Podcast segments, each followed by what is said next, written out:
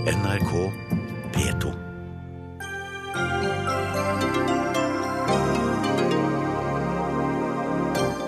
Dette er Dagsnytt 18-utgaven de fleste ikke ville stille i. Ingen fra Telenor ville komme og snakke om hva i alle dager bråket egentlig har dreid seg om, og hvorfor det lekker fra styrerommet. Ingen partier, unntatt SV, ville forsvare dagens etterlønnsordning på Stortinget, som flertallet holdt på å gjøre dobbelt så god i går. Og ingen leger som utfører omstridte alderstester på asylsøkere, ville komme og forklare hvordan en lillebror plutselig kan bli eldre enn storebroren, som var en halv meter høyere.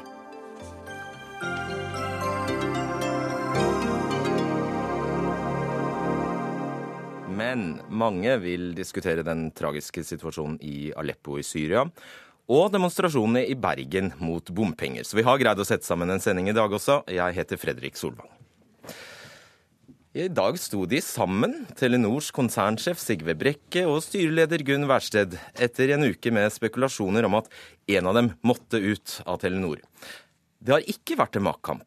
Det har ikke dreid seg om en personstrid mellom oss. Vi har drøftet enkeltsaker, var budskapet fra de to. Som begge ble invitert hit i dag, men som ikke hadde anledning. Og vi skal høre fra dagens pressekonferanse. Det har vært en uenighet i styret knyttet til konsernsjef Brekke. Det er ikke riktig at det har vært en avstemning over spørsmålet om konsernsjefens stilling, men det har vært en avstemning i styret knyttet til en prosess for tidspunktet. Denne diskusjonen har pågått over noe tid, men som dere har hørt, så er styret nå samlet i vurderingen av at han fortsetter som konsernsjef. Jeg er helt enig med det Gunn sier, at det aldri har vært noen problemer rundt samarbeidet oss to imellom. Det har faktisk aldri vært noen personlig konflikt. Det har dreid seg om uenighet i saker. Og det er jo nettopp ved å få inn ulike synspunkter på saker at vi kan oppnå bedre løsninger. Og Det er så fristende å si at vi har innkalt to teateranmeldere, men uh, så frekke skal vi ikke være. Eva Grinde, du er kommentator i Dagens uh, Næringsliv, uh, som var den første som brakte saken om at det var konflikt mellom styreleder Versted og konsernsjef Sigve Brekke. Hva var det vi så her? Hvilken seanse var dette? Hvis det var teater, så var det i hvert fall ganske absurd teater. Altså, Det som skjedde i dag, var jo en, en, bekreftelse av de konfliktene som det har vært skrevet og snakket om den siste uken. Eh, og samtidig så ber de to lederne på toppen av Telenor omverdenen om å tro på at de er det beste teamet til å dra den eh, Telenor-skuta videre. Og det var jo en, en ganske formidabel oppgave. Greide de det?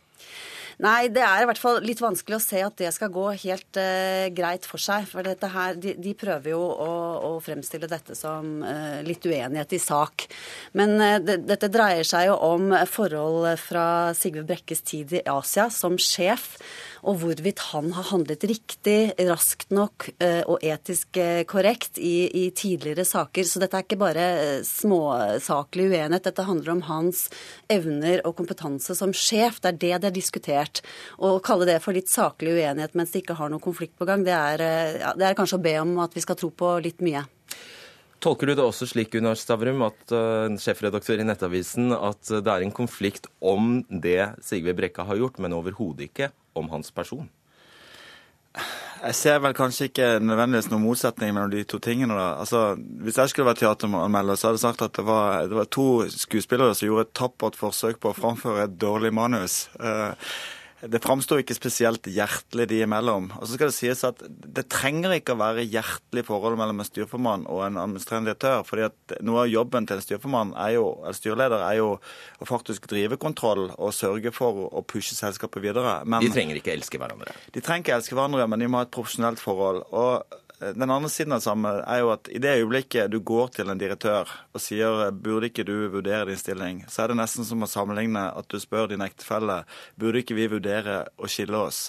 I, det øyeblikket du gjør det, så har du starta en prosess det er utrolig vanskelig å komme ut av.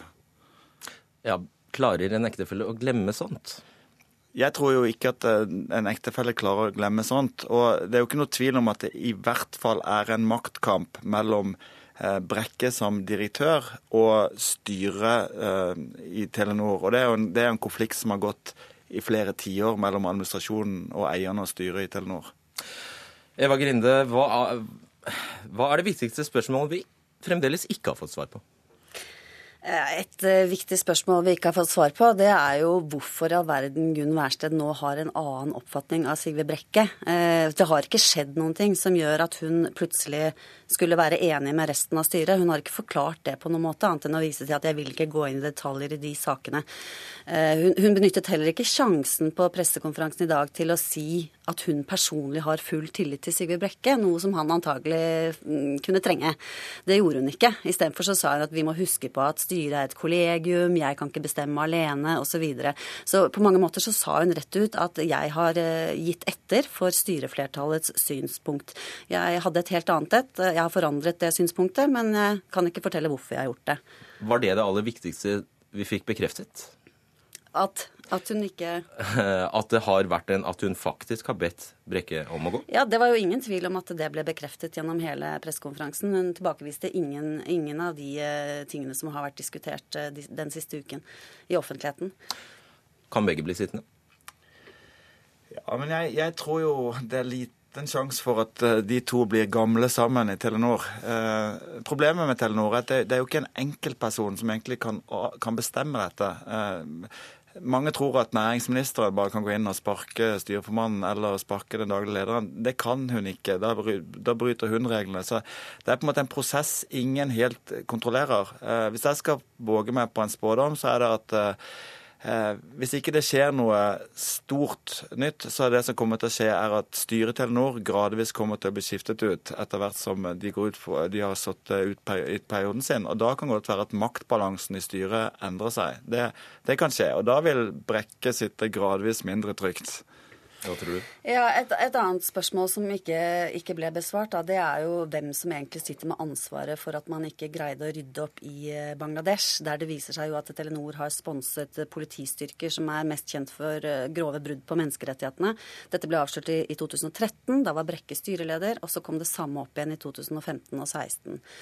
Eh, det, det, ble også pakket pent bort og ikke, ikke, svart på. For her, under her så ligger det jo substansielle eh, diskusjoner om hva som er greit for eh, et selskap som Telenor å, å drive med i utlandet. Så den, den, debatten må man jo heller ikke glemme. Og jeg er helt uenig med, med Gunn Wærsted sånn sett at det er uheldig at dette kommer ut i offentligheten. Jeg syns det er veldig viktig at disse spørsmålene lekker ut på den måten. Ja, for hun var fortørnet over at det hadde foregått lekkasjer i denne saken? Ja, og det er jo Som journalist og samfunnsborger så er jeg for så vidt enig med Eva her. Men jeg kan jo forstå at styreformannen i et stort selskap som Telenor misliker at, at, fortrolig informasjon lekker fra styret. Og det er det jo ikke noe tvil om at har skjedd i denne saken. Det ble også bekrefta. Eh, og som hun sa, en, en, blanding av lekkasjer, kommentarer og spekulasjoner er en livsfarlig, eller en farlig blanding, og det har hun jo rett i. Ok, Skal vi si det er et punktum eller et komma? Komma. Semikolon. Takk skal dere ha, Eva Grinde og Gunnar Savren. Dagsnytt 18 alle hverdager klokka 18.00 på NRK P2 og NRK2.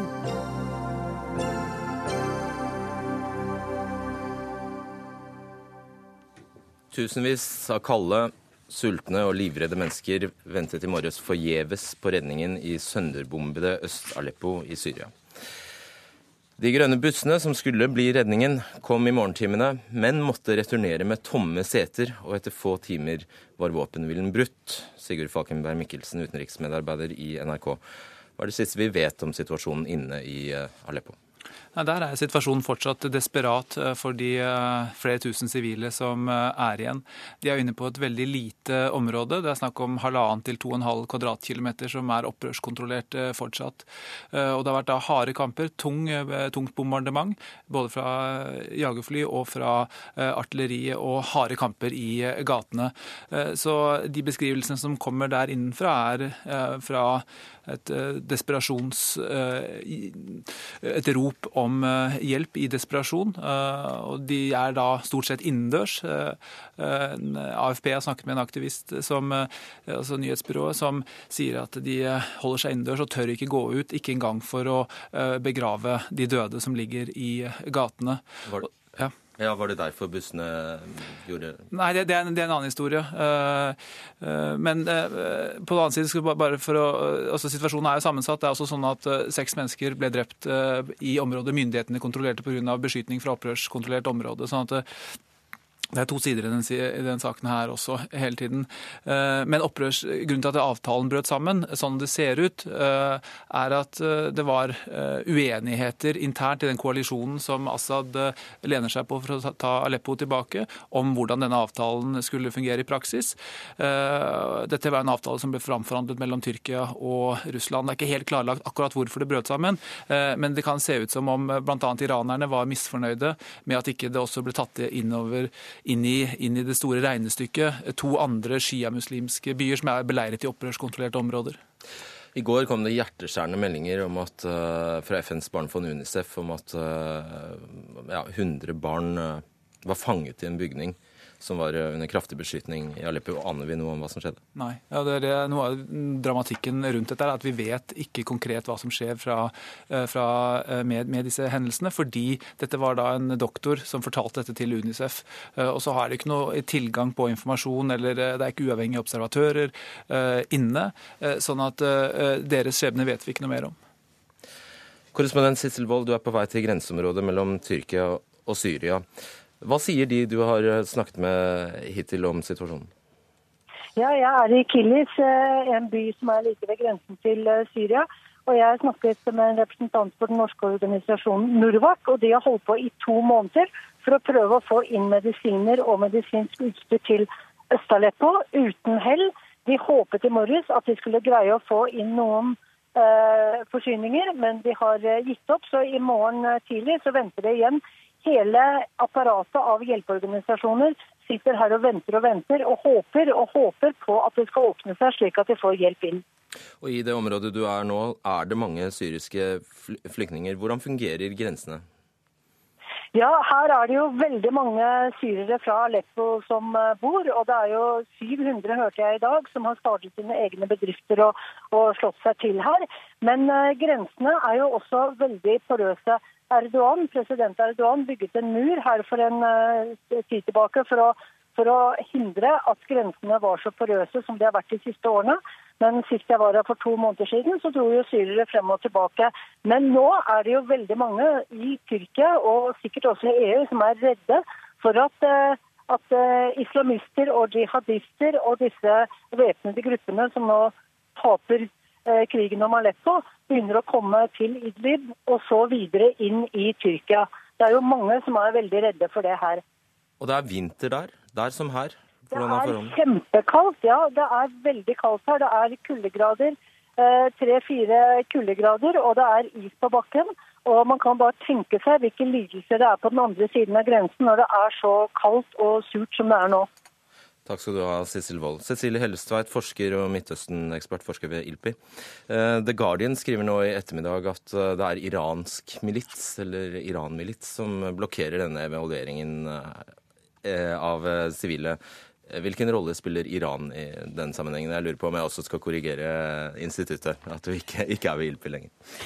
Eh, nei, altså Vi snakker veldig mye om Russlands eh, rolle, fordi de er de som holder sin hånd over Assads militærapparat. Det som er igjen av Assads militærapparat. For etter fem år, eller i hvert fall fire år med full borgerkrig, så er ikke Assad sitt militærapparat det det var, på langt nær. Assad er også veldig avhengig av eh, sivile eh, som har blitt innrullert i hæren, som er slags heimeverngrupper, og andre militser. Over 20 militser fra andre land, deriblant militser som som Iran har stor kontroll over. Fra Irak, fra andre land, men også folk fra Iran. Eh, og det er klart, Iran er en viktig aktør i tillegg til Russland, som står bak Assad-regimet. Iran er også en aktør som i disse dager har veldig høye interesser på spill i sin rolle i Syria. Fordi ikke minst den innkommende amerikanske administrasjonen består av mennesker som har en helt annen innstilling til Iran og Irans rolle i regionen, og kanskje også i Syria og Irak, enn det administrasjonen til Obama har hatt, særlig de siste årene. Så her foregår det antageligvis en sånn måte å posisjonere seg i og rundt Aleppo for det som kommer om et par måneder, eh, når den nye administrasjonen kommer inn i USA. Det må vi ha inn med Tesje. Hva er det Iran, hva, hva er det Iran skulle ha å tjene på å sabotere en våpenhvile for å komme USA i forkjøpet? Iran er opptatt av at eh, Assad-regimet og ved hjelp av Iran sine støttespillere og aktører får så stor kontroll i Syria som mulig før slutten av januar. Um, Iran er en helt avgjørende aktør å samarbeide med både i Syria og Irak for å styrke eh, statsapparatene i Damaskus og Bagdad, og for å få en effektiv kamp mot IS.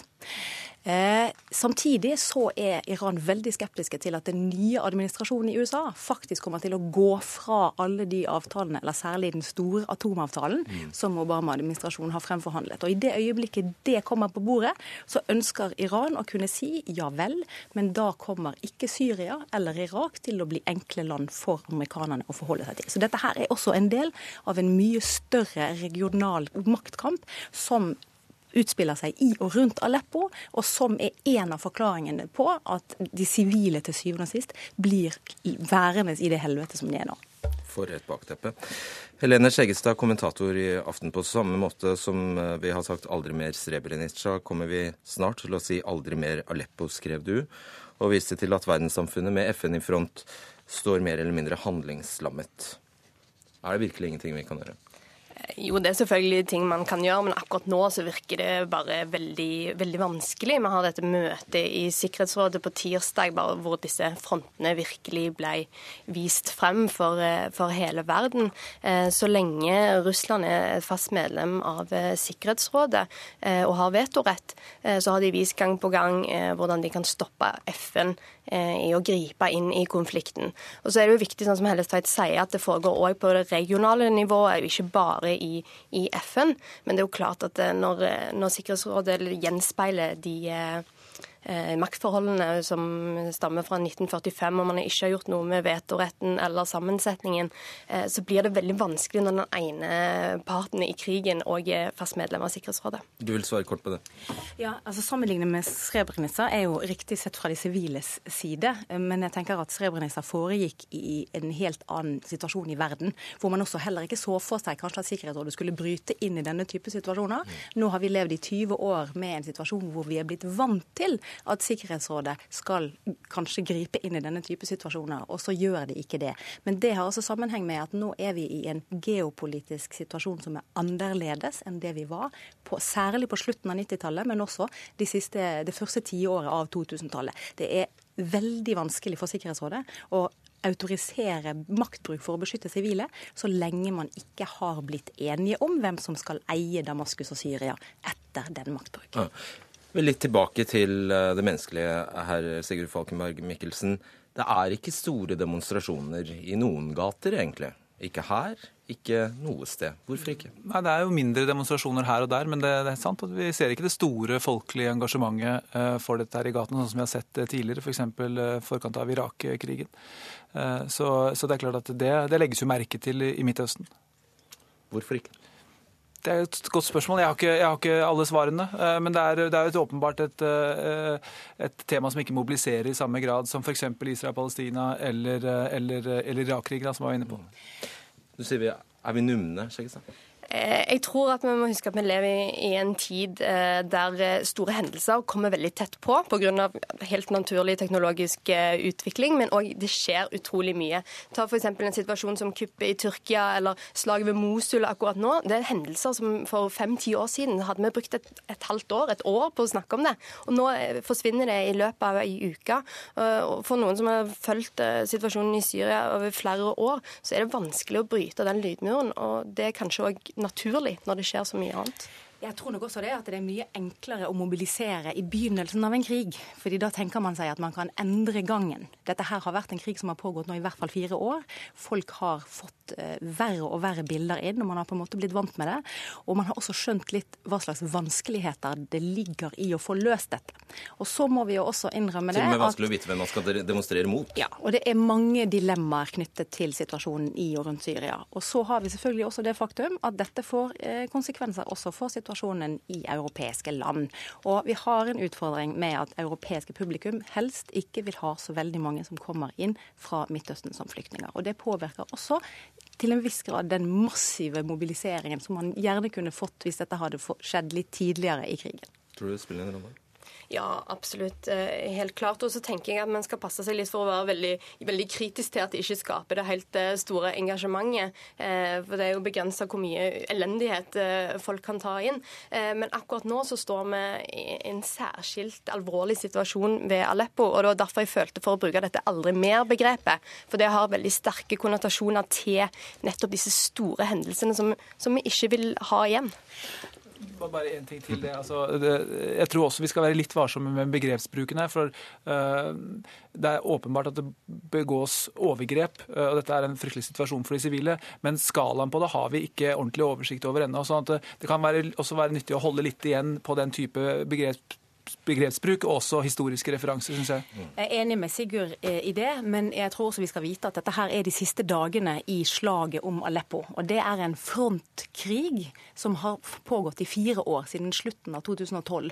Den krigen er nå i ferd med å tapes av én part og vinnes av en annen part. Og i den, de siste dagene av den type frontkriger så er det veldig ofte at det blir veldig store overgrep mot mange av ja. de som har deltatt på den tapende siden. Og da har FN meldt, ifølge BBC og The Guardian om at uh, soldater som støtter al-Assad, har gått inn i hjem, hjem i Øst-Aleppo og drept alle som var inne i husene. Så rapportene er grufulle. Ja, rapportene er helt klart eh, grufulle. Og jeg tenker at en av de forslagene som er nå, at FN må inn for å observere eh, og, Det er jo et kjempeproblem at vi ikke har journalister på bakken der. Eh, noe som gjør det veldig enn kanskje vanskelig å, å, få ut gode historier fra, om hva som faktisk skjer.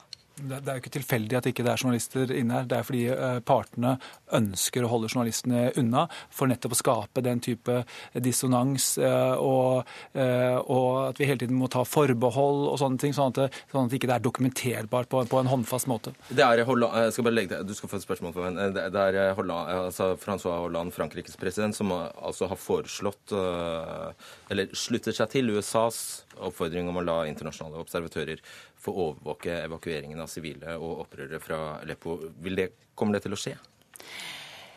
Det er jo for så vidt en mulig ting, men det må skje i samråd da med Assad-regimet. Og hvis Russland blir med, så kan man få til det som en sånn politisk løsning. Men det er klart ubevæpnede observatører vil også være noen som ikke vil være i stand til å stanse det som kanskje er hovedfaren for de sivile som er igjen. Og det er ikke for så vidt kjernen i Assads hær, men det er disse ikke-statlige gruppene som er knyttet til Assad, som veldig få har kontroll over. Selv ikke Assad selv, eller russerne, eller kanskje for så vidt Iran. Bare helt kort, altså Det har vært to runder med eh, ubevæpnede observatører tidligere på Den arabiske liga, og FN har hatt folk inne uten at det bidro noe særlig til å dempe situasjonen. Det er det ene. Og det andre er at rett før jeg gikk i studio, så så jeg også at det har vært en telefonsamtale den gang mellom eh, Lavrov og Kerry, altså Russland og USAs utenriksminister, hvor det da på nytt ble gjentatt at det skal komme en evakueringsavtale. Men vi har hatt mange slike, slike påstander eh, i, i eh, de siste, siste par ukene og månedene. Takk skal dere ha. Helene Skjeggestad, Cecilie Helsveit og Sigurd Falkenberg Mikkelsen.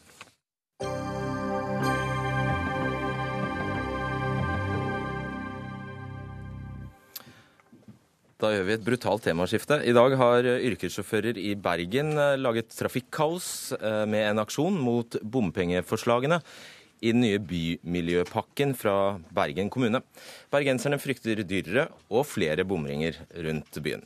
Men kommunen på sin side, skyver, eh, skylder på regjeringen, som de mener trenerer forhandlingene rundt finansieringen. Torgils Rognø, Rogne, fylkesleder i Norges Lastebileierforbund i eh, Hordaland. Hvorfor denne, hvorfor denne demonstrasjonen i dag? Jo, Det kom som en konsekvens av de varsla økningene som kommer, mest trolig kommer og eh, Næringslivet i Bergen og oss som transportører vi har nådd nå en smertegrense der vi ikke klarer mer. Eh, Bergen kommune har gjort et genistrek når det gjelder å få ned eh, personbiltrafikken i Bergen med tanke på rushtidsavgift og sånne ting, og ikke minst antall elbiler som øker kraftig. Og Det har jo igjen ført til at eh, bompengeinntektene går ned når mindre biler går ned. For Rushtidsavgifta har ført til at det er færre biler. Politikken fungerer? Den fungerer, ja. Men det som er det tragiske oppi her, da, det er at gjelda til Bergen kommune er så stor. Den er for tiden ifølge media 5,3 milliarder.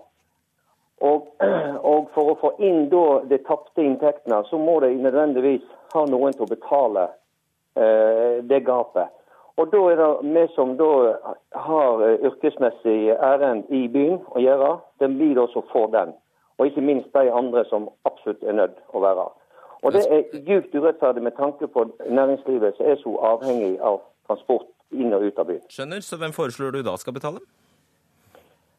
Eh, Det er veldig vanskelig for meg, og jeg kan ikke eh, si hvem som skal gjøre ditt og datt. Men det som er problemet her, det er selve finansieringen av eh, Bybanen og de bypakkene i Bergen. Og vi i lastebilnæringa er overhodet ikke imot bompenger. Egentlig tvert imot. Fordi at da blir det færre småbiler og, og bedre plass til oss. For vi har jo egentlig en unik mulighet å sende, videresende fakturaen når vi passerer en bom. Men det som skjer i Bergen nå, det er at de utgiftene kommer til å bli så høye at næringslivet i Bergen ikke har kjangs til å ta det inn igjen. For Blir transporten så dyr, så har de, får de heller ikke solgt varene sine, ergo må de gi seg. Ja. Greit. Takk skal du ha, Torgild Strogne, fylkesleder i Norsk Lastebileier-forbund i Hordaland. Ove Tepstad, du får ta over stafettpinnen her. Du er styreleder i NHO Logistikk og Transport. Ehm, det man, Hvis jeg har forstått det rett, så er noe av kjernen som det ble demonstrert mot i dag, er at det finnes et, forefinnes et forslag, en skisse, som innebærer ti nye bomstasjoner og en 25% økning i takstene. Stemmer det? Er, det er riktig. Det, det, ligger, det, er ulike forslag som, som, er, som ligger på bordet. Ehm, så, så ehm, vi følte at nå var det behov for å, å markere at uh, dette her, hvis dette her blir vedtatt og dette blir gjennomført, så, så vil dette bli veldig veldig vanskelig for oss. Uh, som Torgild Rogne sier, vi er ikke imot bompenger. Uh, men vi ønsker en debatt om hvordan vi skal kreve inn bompenger, og hvordan vi skal finansiere de ulike infrastrukturendringene i Bergen. Vi ønsker å bli Eh, invitert til bords eh, og komme med innspill og komme med løsninger sammen med både lokale og sentrale myndigheter. Eh, og bli tatt med på råd. Jeg vil bare avbryte deg, ja. siden du altså har anledning her. Du har statssekretæren, og så har du Bergen kommune på øret. Mm. Hvem, hvem krever du hva av? Vi har ikke lagt noen sterke føringer om, om, om, eh, staten eller lokale myndigheter hvordan det skal bidra. Det er en del av den, den, eh, dialogen vi ønsker å ha med både lokale og sentrale myndigheter på hvordan dette skal løses på en best måte. Så du vil bare at de skal bli enige? Jeg, vi vil at vi må sette oss ned og, og, og diskutere gode løsninger for de ulike aktørene, for, for, innbyggerne og for næringslivet, sånn at vi finner en finansieringsmodell som, som, som er rettferdig og som er levelig for, for Og som betyr at dere skal betale mindre? Som sagt, vi har ikke, vi har ikke beslutta det da vi ønsker å sette oss ned og diskutere hvordan vi skal finne gode løsninger på dette. Ja, Men dere hadde ikke aksjonert om dere ikke, ville betale, om dere ikke krevde å betale mindre? Som, som, som sagt, eh, NHO Logistikk og Transport, vi er ikke imot bompenger. Eh, vår, vår, Nei, jeg hører du sier det, men jeg får jo ikke grep om hva det betyr. Vår, vår, vår innsalg på dette her er at eh, gods reiser kollektivt. Vi, vi, har, vi, er tydelige på at rushtidsavgifter og andre, andre endringer, det, da må ikke vi påføre godstransporten. Vi, vi kan ikke velge hvor, hvor hen og når vi skal kjøre. Vi må være der som kundene er. Vi må være og levere på institusjoner, på skoler, til bedrifter, til, til meg og deg når, når, vi er hjemme. Eh, det er vår utfordring. Ok.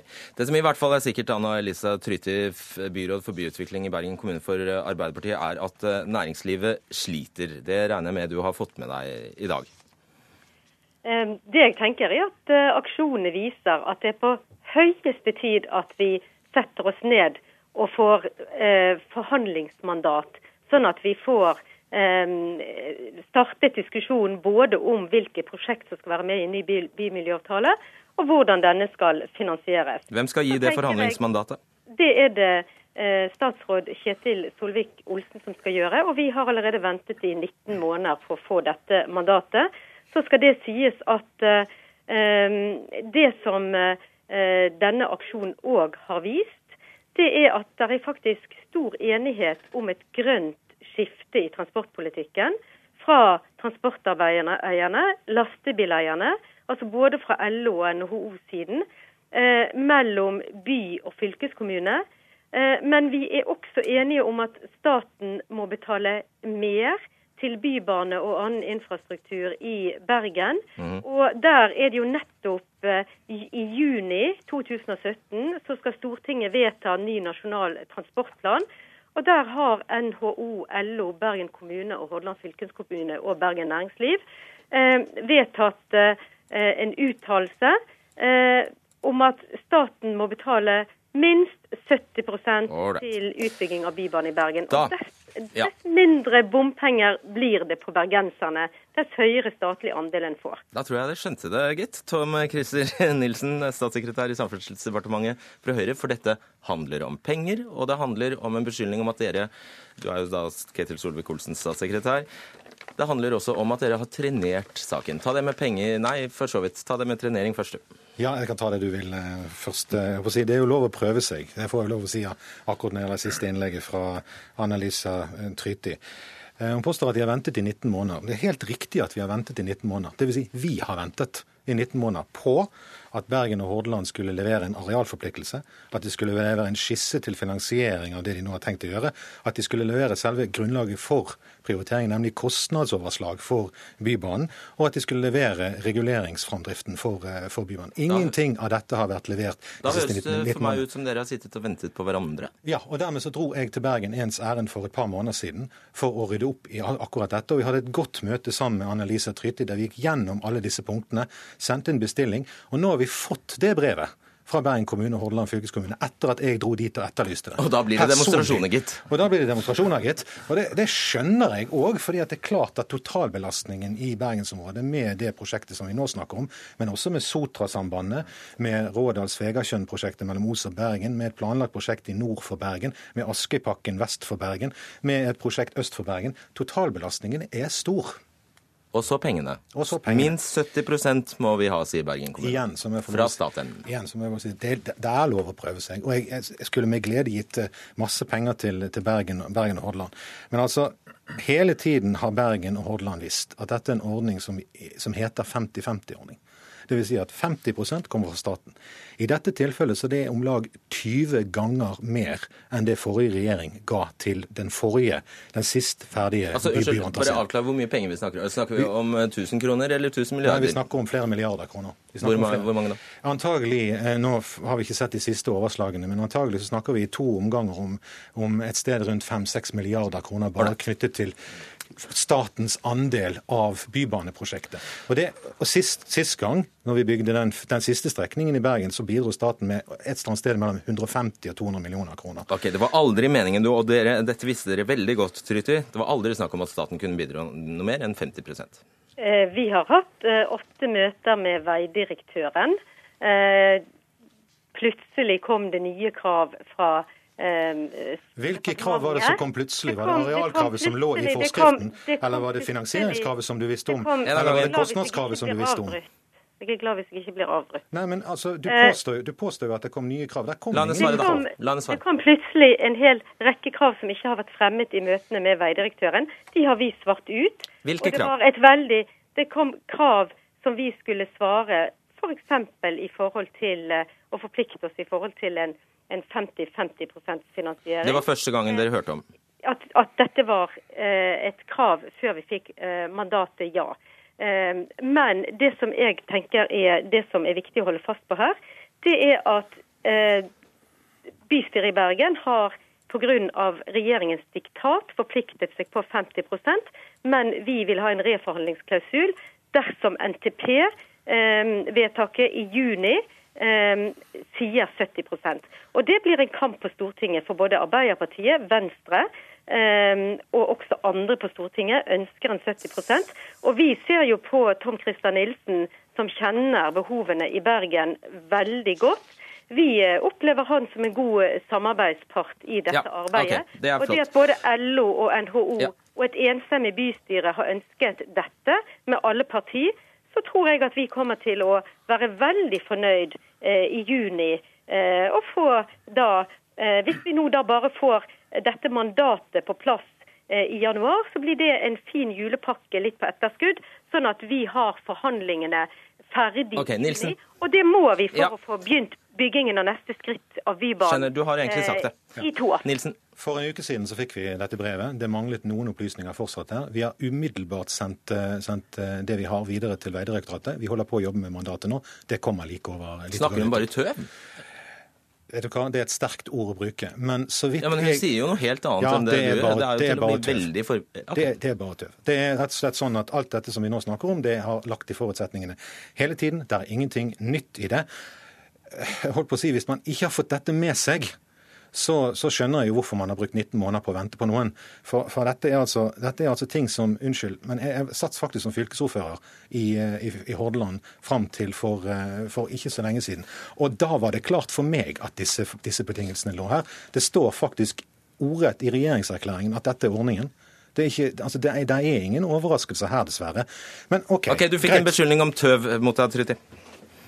Eh, jeg håper at min språkbruk eh, underbygger eh, en argumentativ kraft i det jeg har sagt. Og det var det? Ja.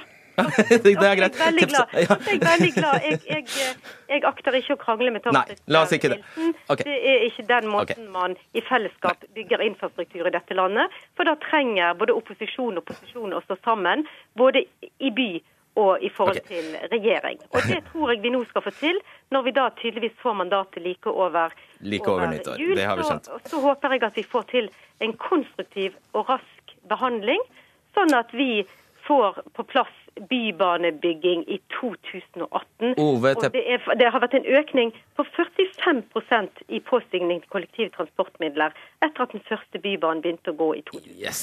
Så dette krever Paris og klimamålene våre at vi gjør. Ja, Ove Tepsa, du skal få avslutte. Hva skal publikum forstå av den demonstrasjonen dere har holdt i dag, hvis det er umulig å vite hvem adressaten engang er? Dette er jo litt av vår utfordring. Eh, en, en, en klarer ikke å komme til gode løsninger eh, mellom lokale og sentrale myndigheter. Eh, dette, dette rammer næringslivet, dette rammer de som bor, dette rammer videre utvikling. NHO Logistikk og Transport er ingen protestorganisasjon. Eh, vi, vi kommer ikke til å gjennomføre ukentlige lignende markeringer som vi har gjort i dag, men vi følte denne gangen var det på tide å sette ned foten og, og, og vise hva vi mente, sammen med Lastebileierforbundet og LO og YTF. Men, men det haster med til å finne gode løsninger for videre utvikling. Skjønner. Vi setter strek der. Takk skal dere. Anna Elisa Tryti, Ove Tepstad, Torgild Strogne og Tom Christer Nilsen. Hør Dagsnytt 18 når du vil. Radio NRK NO.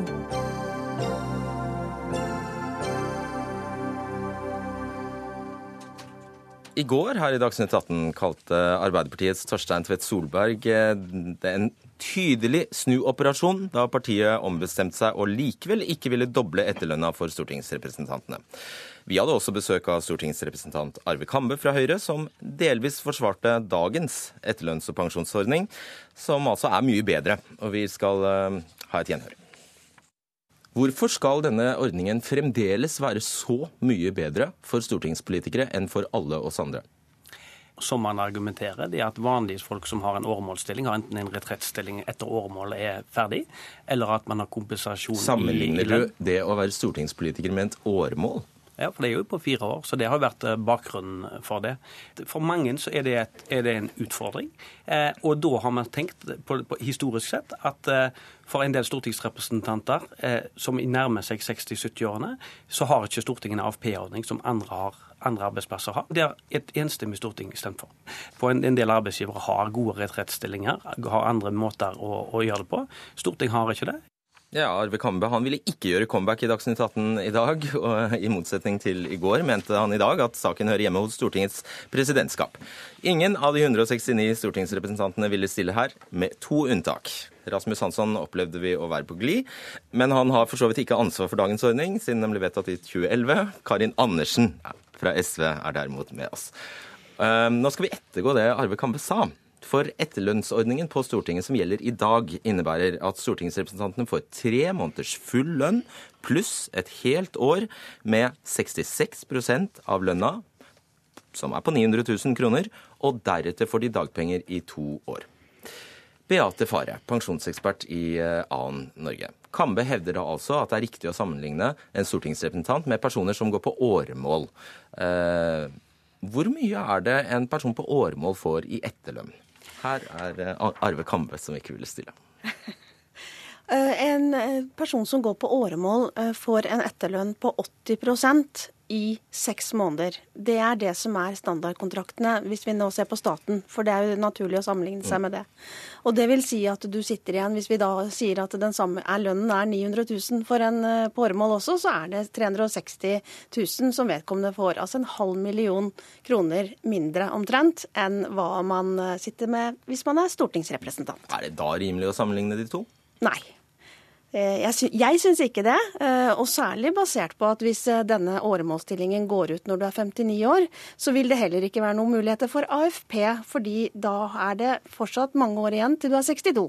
Vi skal bare gi noen, et par eksempler på hvem som kan være på åremål. En sysselmann kan være på åremål, et ombud kan være på åremål. Staten har mange personer på eh, åremål. Så, ja, du var innom det. Kambe hevder altså at årsaken til at man må ha denne etterlønna på Stortinget, er at på Stortinget er det ingen tidligpensjonsordning, AFP. Så er du innom det. Har personer på åremål AFP? Ikke med mindre de fyller vilkårene, altså reglene for å få AFP, enten i offentlig eller privat sektor. Og, eh, og det er regler både med offentlig AFP og privat AFP Han- som gjør at det er vanskelig. Ja, for han, han bruker jo her et eksempel på en person som nærmer seg 60 år, altså en, la oss si en 59-åring. La oss ta en 59-årig perso eh, 59-årig person på åremål. Vil vedkommende ha krav på AFP? Ikke hvis vedkommende mister eh, stillingen sin og ikke står i stilling når han er 62. Han eller hun. Det gjelder likt for begge kjønn. Er det da riktig å sammenligne disse to altså Er det da igjen riktig å sammenligne en stortingsrepresentant med en person på åremål når det gjelder AFP? Nei, sikkerhetsnettet er ikke like godt. Eh, stortingsrepresentanten får eh, pensjon, kan ta ut pensjonen sin fra han er 62, og den er ganske mye bedre enn en som har hatt åremålsstilling i seks år, f.eks. Så de to hovedpåstandene Arve Kambe kom med i går, hva vil du si om dem?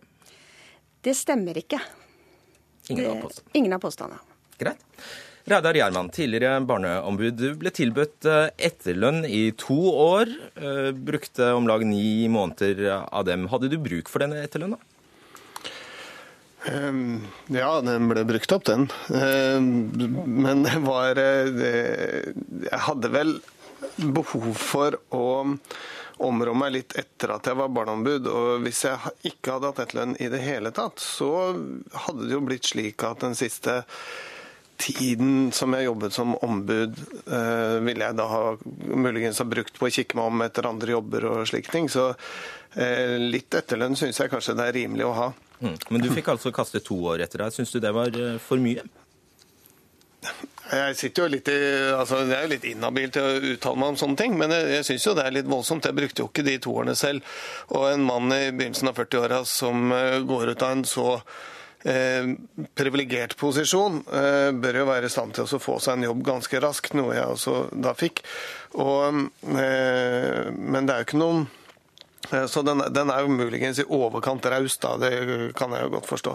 Men jeg ville jo synes det var, tror det hadde vært fornuftig av hensyn til Barneombudets arbeid at det var en viss etterlønn, f.eks. på en tre, fire, fem, seks måneder eller noe slikt. Sånn at man ikke begynner å søke jobb før man er ferdig på jobb hos ombudet. Karin Andersen, takk for at du er her. Stortingsrepresentant for eh, SV. Men SV stemte faktisk for dagens ordning. Men du er her egentlig for å si noe annet. Ja, det ene er liksom historien. At eh, jeg har vært på Stortinget i 20 år nå. Og noe av det jeg begynte med, var jo å få vekk eh, den gullpensjonen vi hadde. Så har vi hatt flere runder der vi har gått gjennom ulike typer eh, godtgjørelser og ytelser og ordninger vi har, og har, var enige om et forlik på dette for noen år siden. Da landa vi på det systemet som er i dag, med en etterlønn på ett år. Og En av grunnene til at vi har det, er jo at stortingsgodtgjørelsen ikke gir eh, opptjening til dagpenger. Altså at Hvis du går, detter ut av Stortinget, så har du ikke rett til å få dagpenger, sånn som ja, andre folk. som mister. Dere er ikke arbeidstakere, egentlig. Nei, og derfor lager man den ordningen der, og så får man da, kan man da få dagpenger etter det. Og det mener jo jeg er urimelig.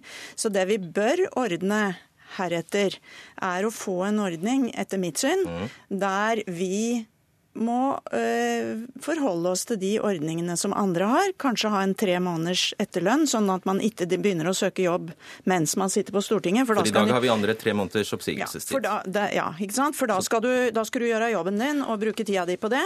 Men så mener jo jeg at vi bør gå over i det vanlige systemet. For det er jo det, er jo det med oss på Stortinget at vi sitter og bestemmer hvordan dette skal være for andre. Da bør vi kunne leve med det sjøl. Og det er jo ikke bare på Stortinget folk mister jobben sin etter mange år. Om du er 60 eller du er 55 eller 64 eller hva det er, veit ikke jeg. Du kan ha en utdatert kompetanse. Du kan slite med å få ny jobb. Det skjer med stortingsrepresentanter, det skjer med andre. Og hvis det skal være unntak, så må det gjelde alle.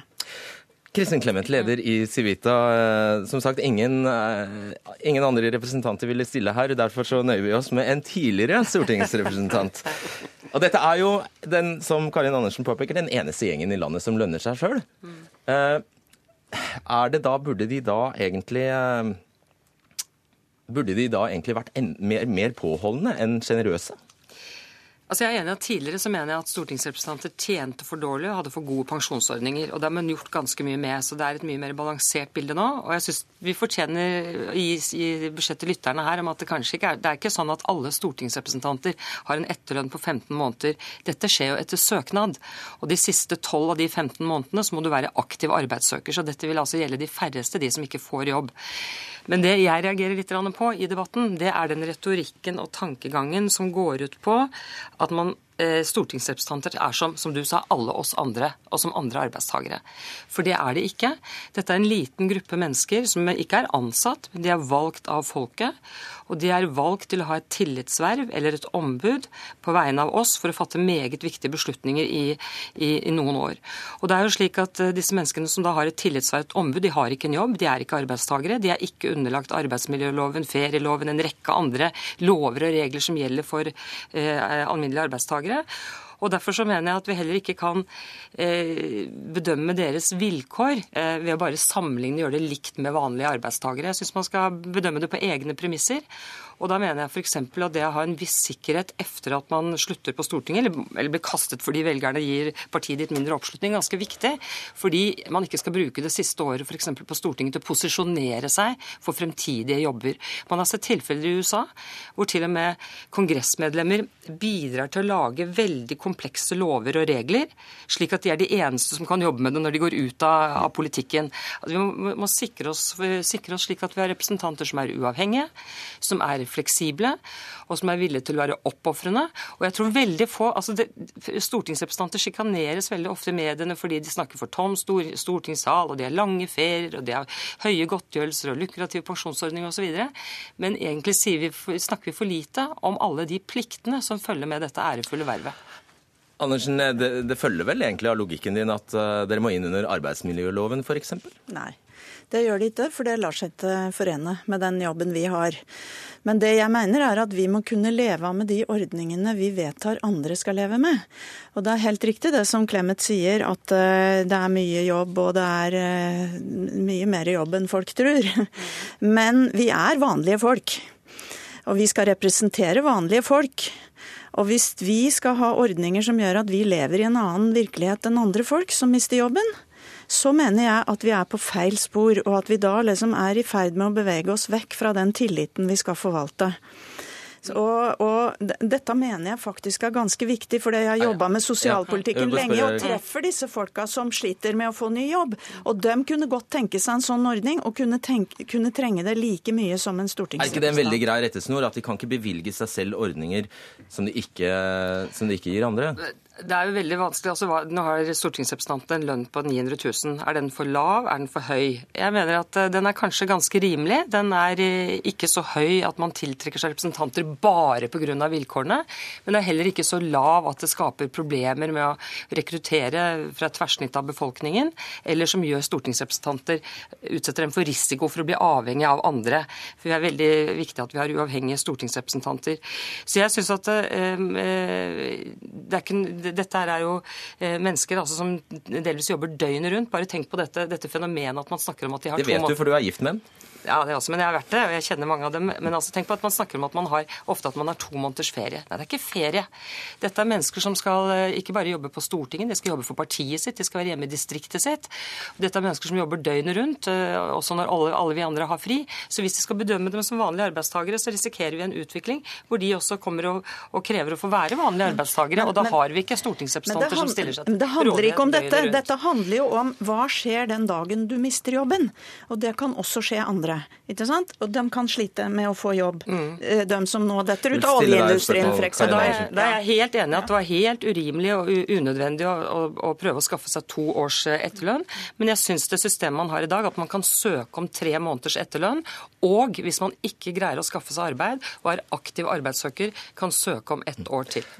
Ok, Et kjapt spørsmål skal far få avslutte. Eh, Hvis du hadde fått viljen din, så hadde det Vi har fått, eh, vi har fått oversikten fra Stortingets eh, administrasjon i dag. Så hadde altså dine partifeller Hallgeir Langeland, Akhtar Chaudhry og Kristin Clemet, som alle har benyttet seg av etterlønn Kristin Halvorsen, tror jeg det var kanskje, men Kristin Kristin- Unnskyld, Kristin Halvorsen. De hadde da altså ikke fått sin etterlønn, og jeg regner med du antar at de har brukt den til noe helt fornuftig? Ja da, men andre folk som mister jobben, eller sjøl velger å slutte, for det er noen som gjør det òg, de kan få dagpenger på Nav. Og det er det et nivå på. Der er det bare en eh, viss prosentdel av 6G.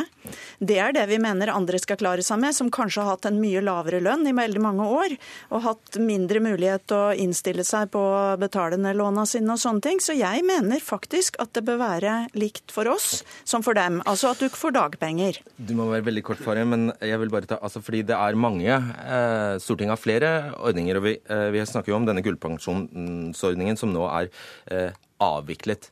Men hvor mange gjelder den for fremdeles? Den gjelder jo for alle de som var stortingsrepresentanter før 2009. Eh, hvis de hadde tolv år, eh, og har fått tolv år før 2012, hvor stortingspensjonen ble endret. Så det er klart den gjelder veldig mange eh, fortsatt. Vi sier takk til dere der. Eh, Reidar Gjerman for at du var med oss tidligere. Beate Fare, Karin Andersen og Kristin Clemet.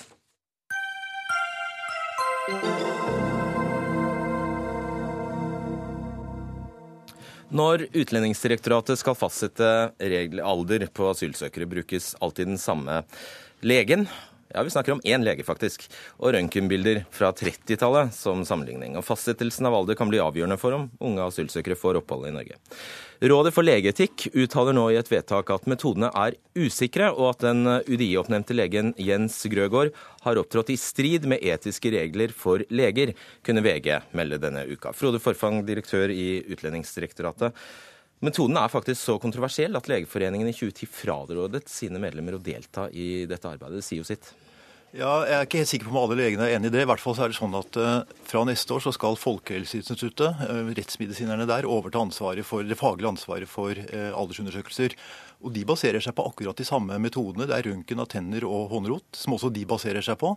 Det som diskusjonen med dem nå eh, handler om, det er hvordan vi skal lese eller tolke resultatene av disse røntgenundersøkelsene. Men metodene de brukes på samme måte eh, som de gjør i dag. Samtidig er det slik at eh, i Danmark så er det Rettsmedisinsk institutt som gjennomfører tilsvarende undersøkelser.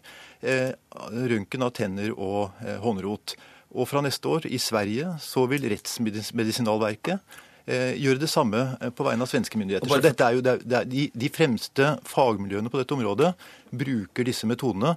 Det debatten handler om, er eh, hvordan vi skal tolke resultatene eh, fra disse undersøkelsene. Og vi er jo opptatt av at dette skal gjøres best mulig riktig. Og jeg er veldig glad for at Folkehelseinstituttet og rettsmedisinske fagmiljøet i Norge, det offentlige miljøet, tar et ansvar her. Eh, Dette er noe vi har ønsket lenge, og jeg er veldig glad for at det skjer fra neste år. Bare for å forklare hva som faktisk skjer, da, i tillegg til tannundersøkelse, så tas det røntgenbilder av det venstre håndleddet.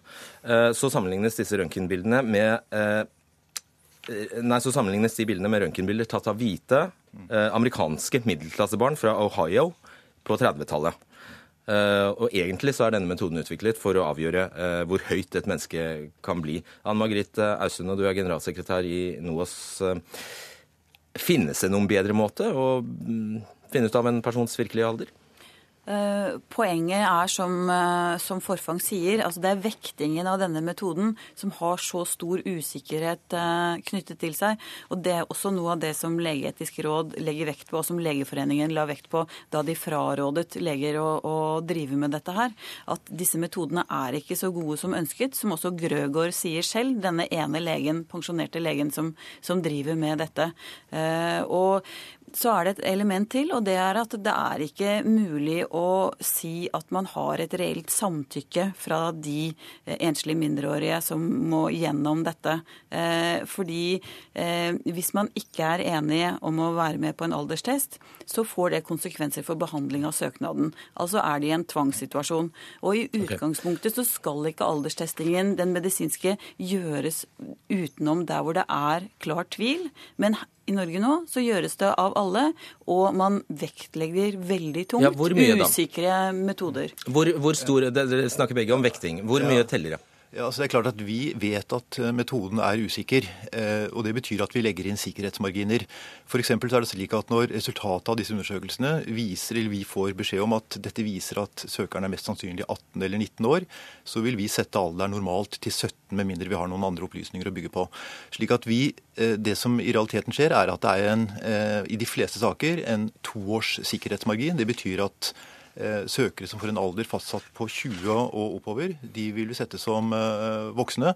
Men er du under 20, så, så, og da også 18 og 19, så settes du som mindreårig. Slik at, og det er ganske mange som er i den kategorien. og vi skal huske på at eh, Nei, men Jeg har bare lyst til ja. å høre hva, hva, hva, hva, du Det er da ikke, det er ikke tidsrekkelig? Nei nei, for poenget er at usikkerheten er større enn dette. Og det påpeker også Grøgaard selv. At, og særlig i den aldersgruppen så er det så store forskjeller i biologisk teknologisk utvikling i nettopp denne aldersgruppen mellom 14-15 og 18-19 år. Vi vil at det skal vektlegges i mye mindre grad, si? og at, eh, jo, at andre momenter skal telle mer. Vi ser jo mange eksempler på saker hvor, det, hvor aldersvurderingen til Grøgaard er trumfet gjennom på tross av at UDIs egne medarbeidere i asylsamtalen noterer ned at de mener at uh, dette er en uh, mindreårig person. Og de som treffer personen på mottak mottaket, lærere, leger, andre, mener at denne er mindreårig. Men altså Grøgaard, som aldri har møtt personen, og som driver med veldig usikre metoder, slår fast at dette kan umulig være under 18, og UDI legger det til Vi har prøvd å invitere den angjeldende Grøgaard, vi har prøvd å invitere den angjeldende Grøgaard uten, uh, uten helligdag. Men bare for å si det, altså det er, I de aller aller fleste tilfeller så er det samsvar mellom det personene rundt mener, og det saksbehandler mener, og det eh, som er resultatet av aldersundersøkelsene. Eh, og, og, og, det er jo en, et problem her, er at, eh, og det er ikke bare i Norge, men det er at det er dessverre ganske omfattende forsøk på juks med alder i asylsaker. Eh, dette vet vi fra flere andre land, men når, vi, når resultatene av disse aldersundersøkelsene Eh, alle usikkerhet tatt i betraktning, viser at altså, vi har hatt ca. 1700 undersøkelser fra januar til oktober. I over 40% av tilfellene så slås det fast i undersøkelsene at søkere er 20 år eller eldre. I Sverige så er sannsynligvis situasjonen enda verre enn det, fordi at de der ikke fram til nå har gjennomført aldersundersøkelser. De skal begynne med det neste år, men fram til nå har de ikke gjort det. Eh, og, Der er jo nå debatten helt motsatt. Der har jo f.eks.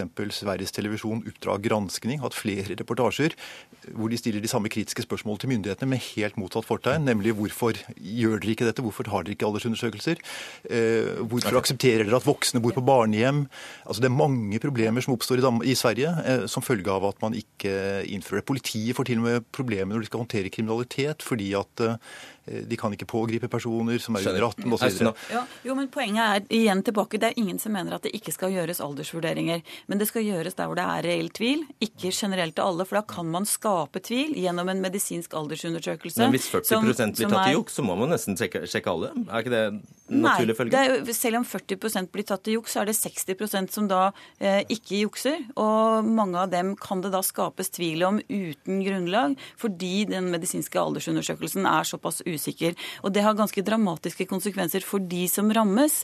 Om de er få, så er det allikevel barn og mindreårige det da er snakk om, som får helt andre rettigheter, en helt annen asylsaksbehandling, og eventuelt retur til en veldig usikker situasjon som konsekvens. Jeg kan, jeg kan ha grunn til at det er såpass mange som nå undersøkes, det er at vi er ikke bare opptatt av denne 18-årsgrensen, men det er også en viktig grense som går ved 16 år, fordi du da kan få en midlertidig tillatelse til du fyller 18. Eh, slik at det er en ganske stort aldersspenn som vi har behov for å undersøke nærmere. Eh, og det er grunnen til at det er såpass mange som eh, går gjennom disse undersøkelsene. Og dermed så utvider man gruppen som får midlertidig tillatelse, som er en psykisk belastning for de som får det, og som Stortinget har sagt nei til å utvide denne gruppen. Og da må vi sette strekk. Takk skal dere ha, Ann Margrethe Austen og Frode Forfang. Det var Anne Katrine Førli som var ansvarlig, Lise Seldreite var tekniker, og jeg heter Fredrik Solvang. Hør flere podkaster på nrk.no podkast.